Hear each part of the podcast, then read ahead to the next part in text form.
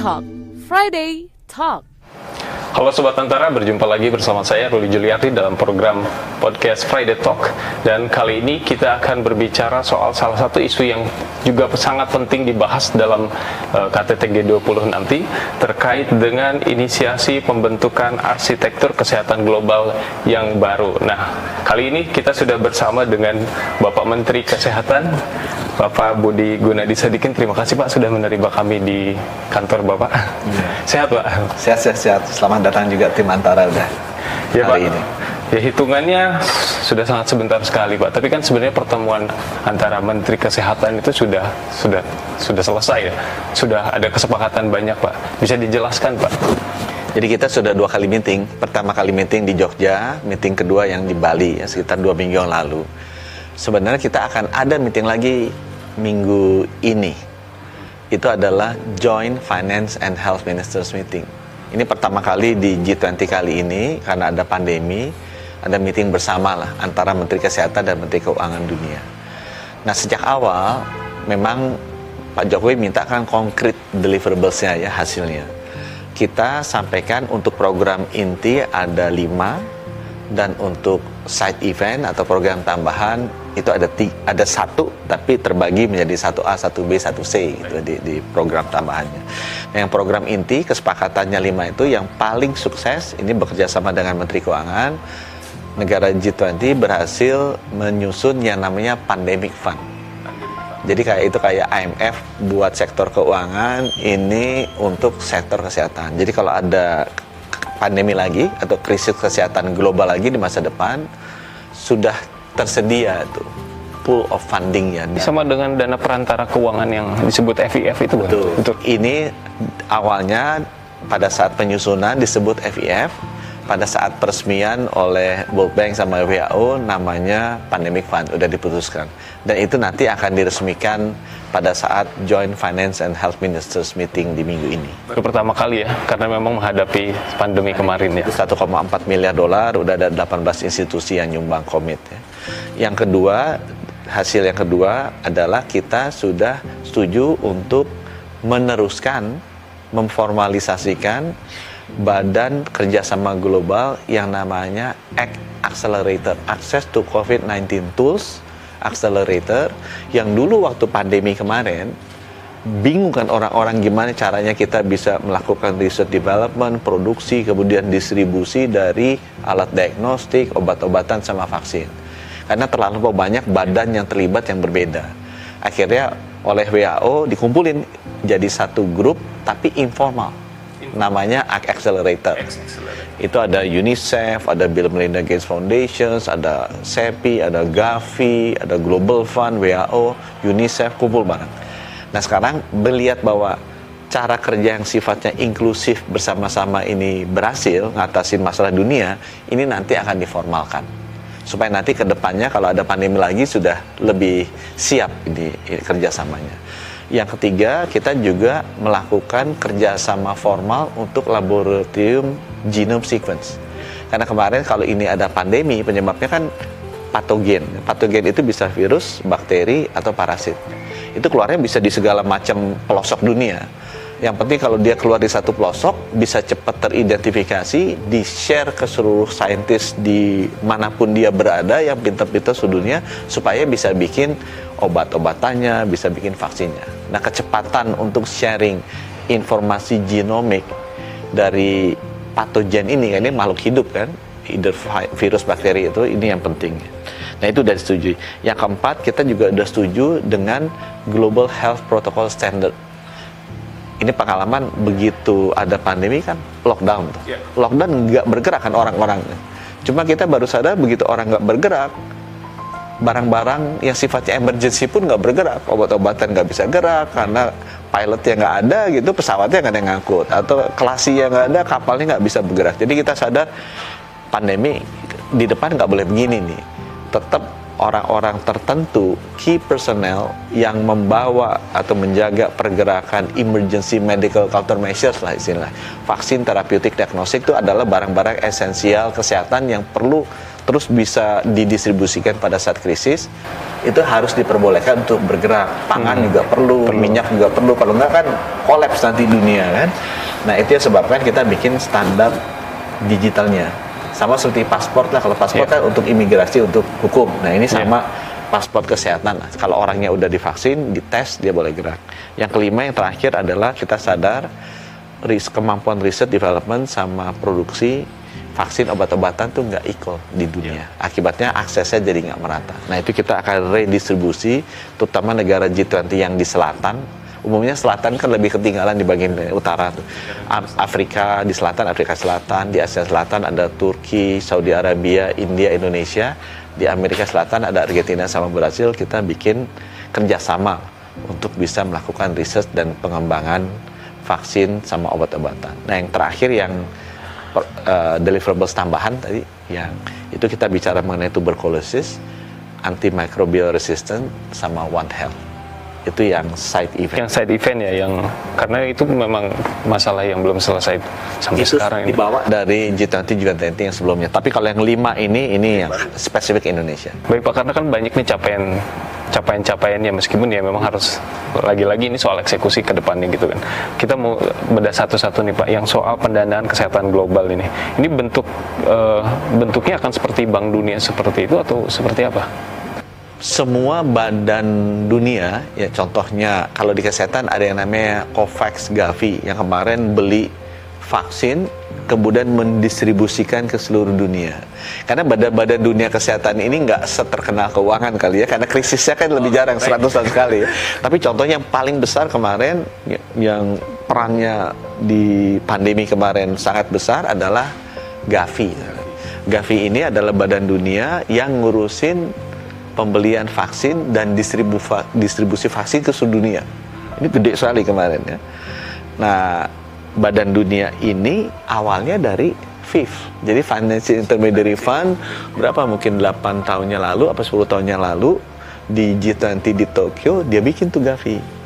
Nanti berkembang berkembang 2 tahun 3 tahun karena makin besar akhirnya jadi institusi sendiri. Ada badan dunia lagi kesehatan namanya Global Fund. Itu untuk HIV, tuberculosis, malaria. Itu mulainya FIF dulu. Jadi ini seakan-akan sebelum jadi IMF jadinya FIF dulu keuangan gitu. Cuman sekarang ini FIF kesehatan, sekarang jadi mudah-mudahan nanti benar-benar jadi bisa jadi International Pandemic Fund misalnya kayak IMF Khusus pandemik gitu. Tapi khusus pandemik. pandemi krisis kesehatan kalau IMF kan krisis keuangan gitu Nah, Pak, soal kemudahan mobilisasi sumber daya kesehatan yang esensial di di yang kemarin kita belajar dari pandemi gitu kan. Nah, Indonesia kan eh, melihat itu sebagai ada inequality nih gitu.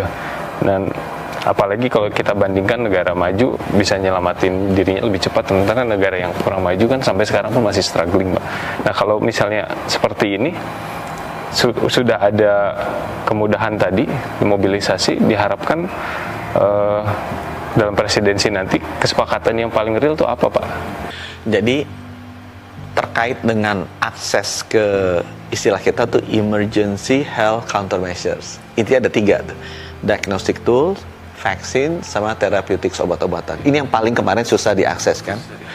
Nah, masalahnya ada dua. Itu yang kita solve di deliverables nomor satu sama nomor dua.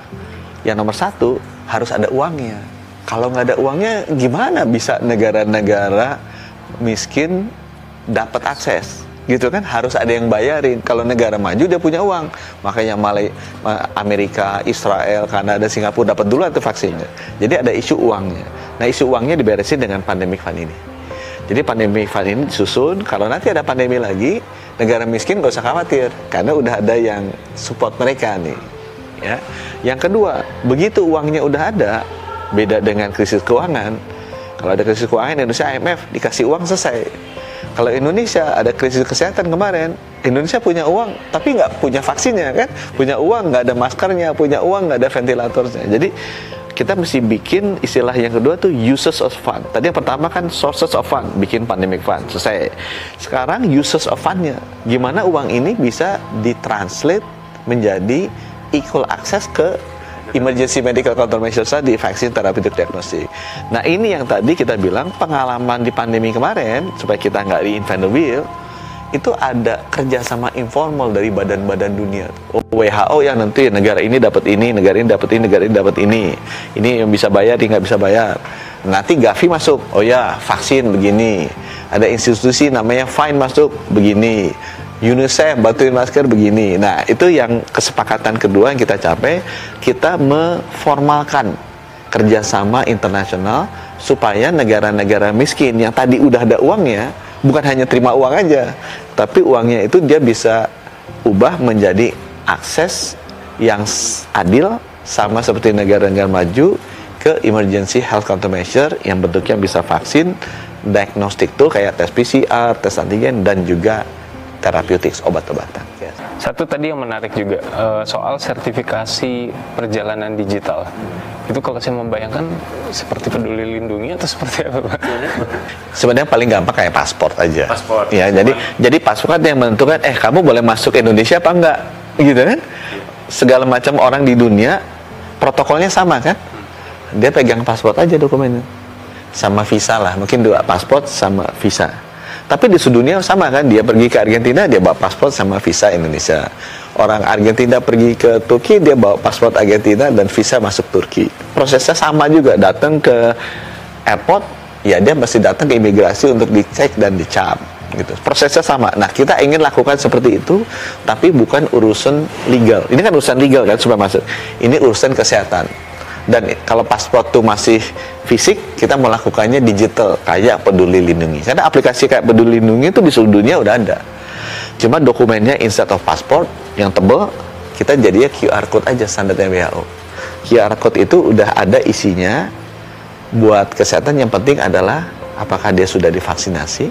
Sampai tapi kita naik haji ada meningitis kan? Apakah sudah divaksinasi ada paspor kuning? Nah, itu nanti digital aja. Nggak usah pakai uh, paspor kuningnya dan juga udah dites apa belum ingat kan waktu kita pergi selain vaksin kan datang tes PCR, colok PCR itu kan bisa beda-beda. Pada saya udah nih di country saya udah tes PCR, tapi nggak dipercaya sama di sana. Sama juga sama paspor kan, paspor Indonesia masa nggak dipercaya? Sekarang kan dengan ada mekanisme internasional yang mengakui bahwa kalau format paspor seperti ini, tolong diterima dong. Kalau format visa kayak gini diterima dong. Nah kita ngatur kayak gitu. Kalau format laporan vaksinasi seperti ini atau laporan testingnya seperti ini diterima dong di seluruh dunia. Nah itu yang sudah kita bisa dapatkan pakai standarnya WHO dan kita Indonesia sudah berhasil mendapatkan support dari negara G20 untuk diusulkan di World Health Assembly sebagai revisi dari International Health Regulations WHO terkait travel. International Health Regulation itu kayak undang-undang. World Health Assembly itu kayak rapat DPR atau MPR untuk ngetok undang-undangnya gitu. Tapi ini undang-undang kesehatan dunia lah gitu kira-kira. IHR ya, IHR. Ada concern soal keamanan data nggak Pak saat membahas itu? Keamanan datanya ini kan karena ini digital, datanya kan bergerak ke mana-mana kan. Cuma kita di perbankan udah biasa tuh. Contoh, kalau kita punya kartu kredit, kartu kredit mandiri Indonesia di Singapura gesek bisa kan? Kita punya ke Amerika gesek bisa even colokin ke ATM di Eropa bisa tarik ya itu kan ada datanya yang seliweran kan? Dia akses Indonesia lihat limitnya berapa dia approve oh limitnya segini dia nariknya masih cukup. Itu kan data itu seliweran secara digital. Nah kita meniru mekanisme ini. Ada mekanisme trusted key rep repository. Nah itu kita taruh nanti di WHO WHO yang pegang apa istilahnya lah encryption key-nya sehingga seluruh negara dunia akan merasa aman bahwa pertukaran data masyarakat mereka itu aman. Tapi itu suatu hal yang biasa kan di perbankan kita udah seamless sudah udah itu udah seperti hal biasa aja tuh. Gesek-gesek kartu kredit gitu kan. Hal yang baru. Bukan hal yang baru itu. Hanya diterapkan saja di, di sektor itu. kesehatan. Dan ini Pak, soal uh, harapan Indonesia bisa menjadi salah satu produsen baik itu vaksin, terus obat, alat kesehatan ke depannya ada kemungkinan untuk seperti itu di region kita deh gitu. Ya, memang ini kan ada masalah akses ke teknologi. Ya. Itu sebabnya deliverables kita nomor 5 adalah untuk membangun sistem kesehatan dunia di mana kita melakukan redistribusi dari kemampuan research and development dan juga kemampuan manufacturing untuk tiga hal tadi emergency health countermeasure vaksin, therapeutic sama diagnostic tool. Nah ini negara-negara selatan karena yang biasa ketinggalan yang di selatan kan, yang di Eropa malah lebih lebih kaya-kaya, lebih maju. Itu udah mau duduk bersama-sama. Nah, ketujuh negara selatan ini nanti akan dibantu oleh negara-negara G20 yang dari utara, dari sisi akses ke teknologi dan juga dari WHO. Jadi di selatan Afrika, Afrika Selatan. Di selatan Asia ada banyak tuh. Turki, Saudi Arabia, India, Indonesia di selatannya Amerika ada Argentina sama Brasil. Ini tujuh negara G20 yang berlokasi selatan. Nah, kita udah bikin kesepakatan bahwa kita akan tukar-tukar inilah kemampuan lah dan knowledge Turki, Saudi Arabia, Indonesia. Kalau mulai dari Afrika ya, Afrika Selatan. So, okay. Geser ke Eropa Selatan ada Turki. Hmm. Ke Asia di selatannya ada Saudi Arabia, India, Indonesia gitu kan yang G20. Geser ke Amerika, India, Amerika Selatan tuh ada Brazil sama Argentina. Kan soal teknologi uh, dan knowledge ini mahal Pak ya. Saat obrolan gitu. Apakah mereka sudah Lego bersedia gitu untuk transfer teknologi and knowledge. Salah. Diskusi dan negosiasi ya. Jadi ya jalur yang pertama adalah jalur WHO. Karena WHO berkepentingan harus untuk melakukan redistribusi ini. Hmm. Jadi kita yang tujuh ini berhubungan sama WHO, WHO udah bilang, oke okay, aku bantu di Afrika Selatan sama di Brasil. Argentina, Indonesia ini subnya, gitu kan, dia udah bantu. Yang kedua ada jalur bilateral. Jadi kalau Indonesia sendiri kita mencari misalnya teknologi mRNA. Brasil nyari, India juga nyari, Afrika Selatan nyari. Afrika Selatan ininya dengan WHO. Brasil ada jalurnya sendiri. Kita kan kemarin udah resmi itu pabrik mRNA dengan kerjasama dengan Cina. Ya. Saya juga mendengar dalam presidensi G20 ini concern soal harmonisasi kesehatan dunia. Kita bingung ini maksudnya itu yang kurang harmoni itu apa? Apa yang diharmonikan, Pak? Yang diharmonikan bahasa harmoni ini sebenarnya dipakai untuk deliverables nomor 4 sama nomor 3 jadi harmonisasi dari standar dokumen kesehatan. Jadi kayak ini kayak paspor paspor kan udah harmonis kan? Ya. paspor di Brazil paspor di Amerika paspor di Indonesia standarnya sama isinya sama, cara baca sama. Ini sama. Jadi sekarang kalau kita pergi Indonesia ada peduli lindungi, ini ada trace together, di Arab ada tawakalna. Iya itu disamain. Dan samanya apa? Aplikasinya boleh beda-beda, tapi QR code-nya sama. Sebenarnya harmonisasi kata harmonisasi itu dipakai untuk harmonizing standar health protocol pada saat pandemi. Ada juga soal harapan agar tercipta inklusivitas dalam penelitian dan pengembangan kesehatan serta keinginannya terbentuk uh, satu platform data genom itu Pak yang memudahkan surveillance nanti di masa depan. Seperti apa sih Pak bentuk uh, penelitian dan pengembangan yang akan dikembangkan ini? Apakah akan dipegang setiap hub daerah, uh, maksudnya regional atau satu aja di dunia itu? pengalaman kita waktu pengalaman kita waktu di mana ya waktu di pandemi itu kan terjadinya di Wuhan ya.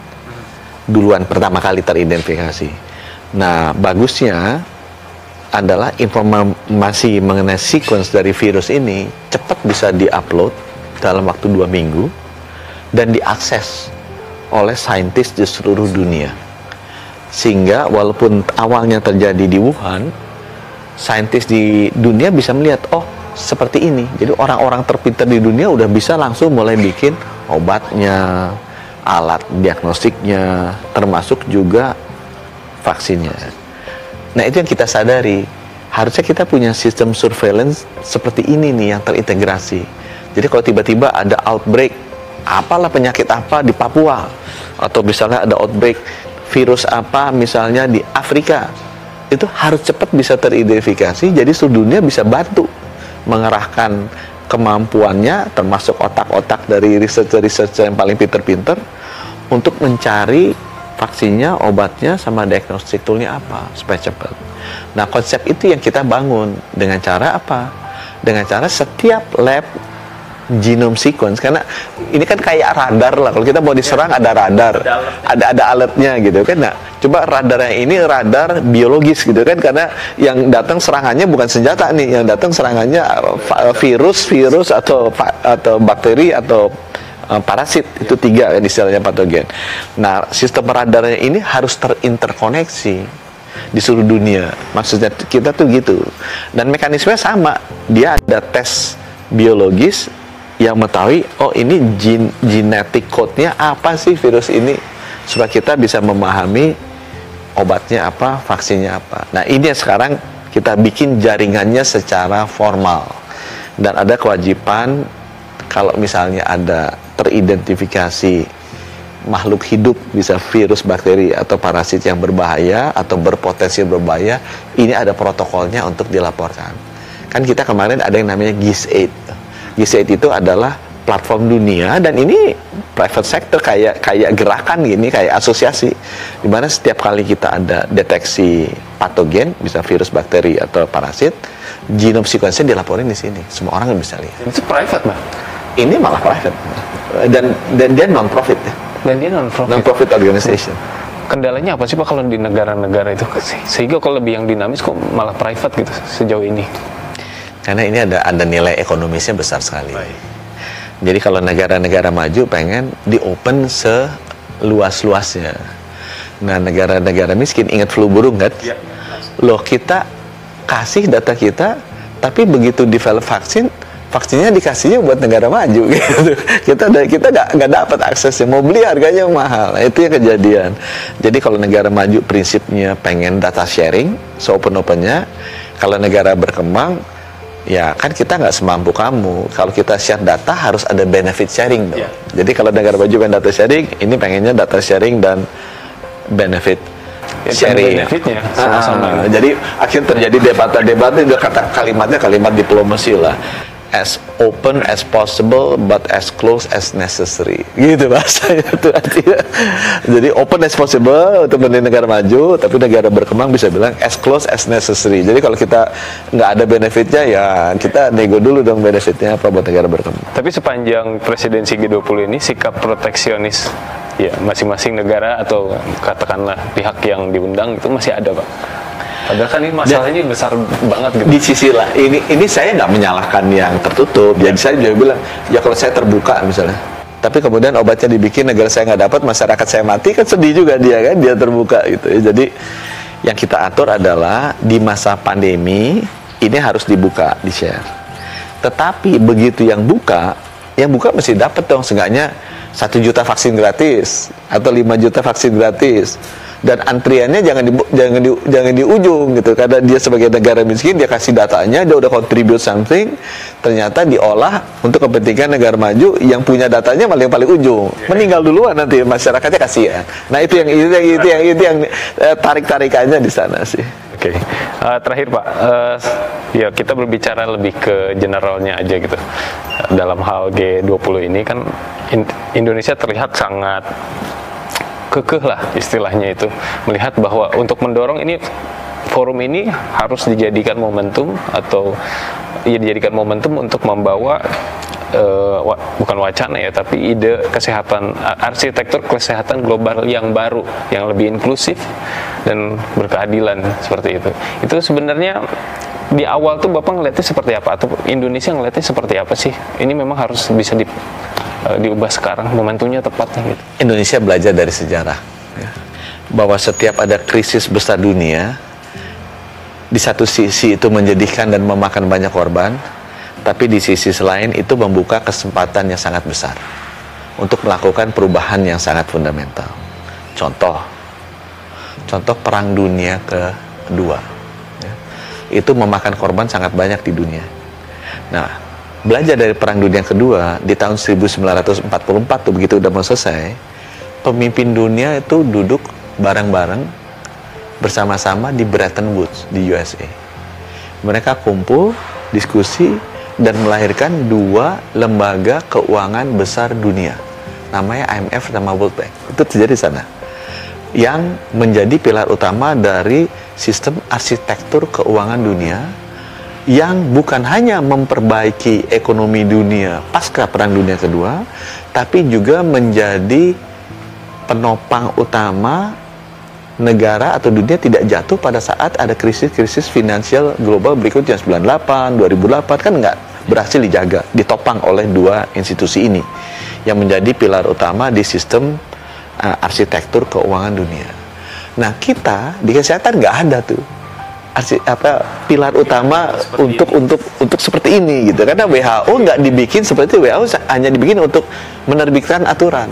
Bukannya untuk set bantu IMF itu seminggu Indonesia nggak ini bantu sama dia langsung masuk ya. Nah itu yang kita belajar aduh pemimpin dunia duduk bareng dong. Karena sekarang rakyat di seluruh dunia habis itu lihat lagi ke kita lah kamu mau ngapain nih? Udah kita mati demikian banyak orang menderita sekian banyak kamu mau duduk manis aja meeting-meeting atau mau mereplicate history dulu pemimpin-pemimpin dunia bikin lembaga-lembaga ini yang yang me, mem, apa, mengubah memperkuat sistem arsitektur keuangan dunia. Sekarang kita harus memperkuat memperbarui sistem arsitektur kesehatan dunia. Nah itu sebabnya kenapa Indonesia ambil momentum ini untuk mengubah sistem arsitektur kesehatan dunia sama seperti pemimpin-pemimpin sebelumnya di tahun 1944 mengubah sistem uh, arsitektur keuangan dunia dan kita berhasil masukin yang namanya pandemic fund ini. Baik, terima kasih Bapak Menteri Kesehatan Republik Indonesia, Bapak Guni Gunadi Sadikin. Uh, semoga eksekusinya bisa uh, nyata lah ya. Dan karena kan sudah sudah disepakati ya tinggal nanti kita melihat bagaimana dunia merespon uh, dari capaian kita di G20 dan demikian uh, Sobat Antara bila Anda ingin menyaksikan produk uh, podcast lainnya Anda bisa menyaksikannya di antaranews.com di YouTube di Antara TV Indonesia atau juga Anda bisa mendengarkannya di Spotify. Saya Ruli Juliardi sampai jumpa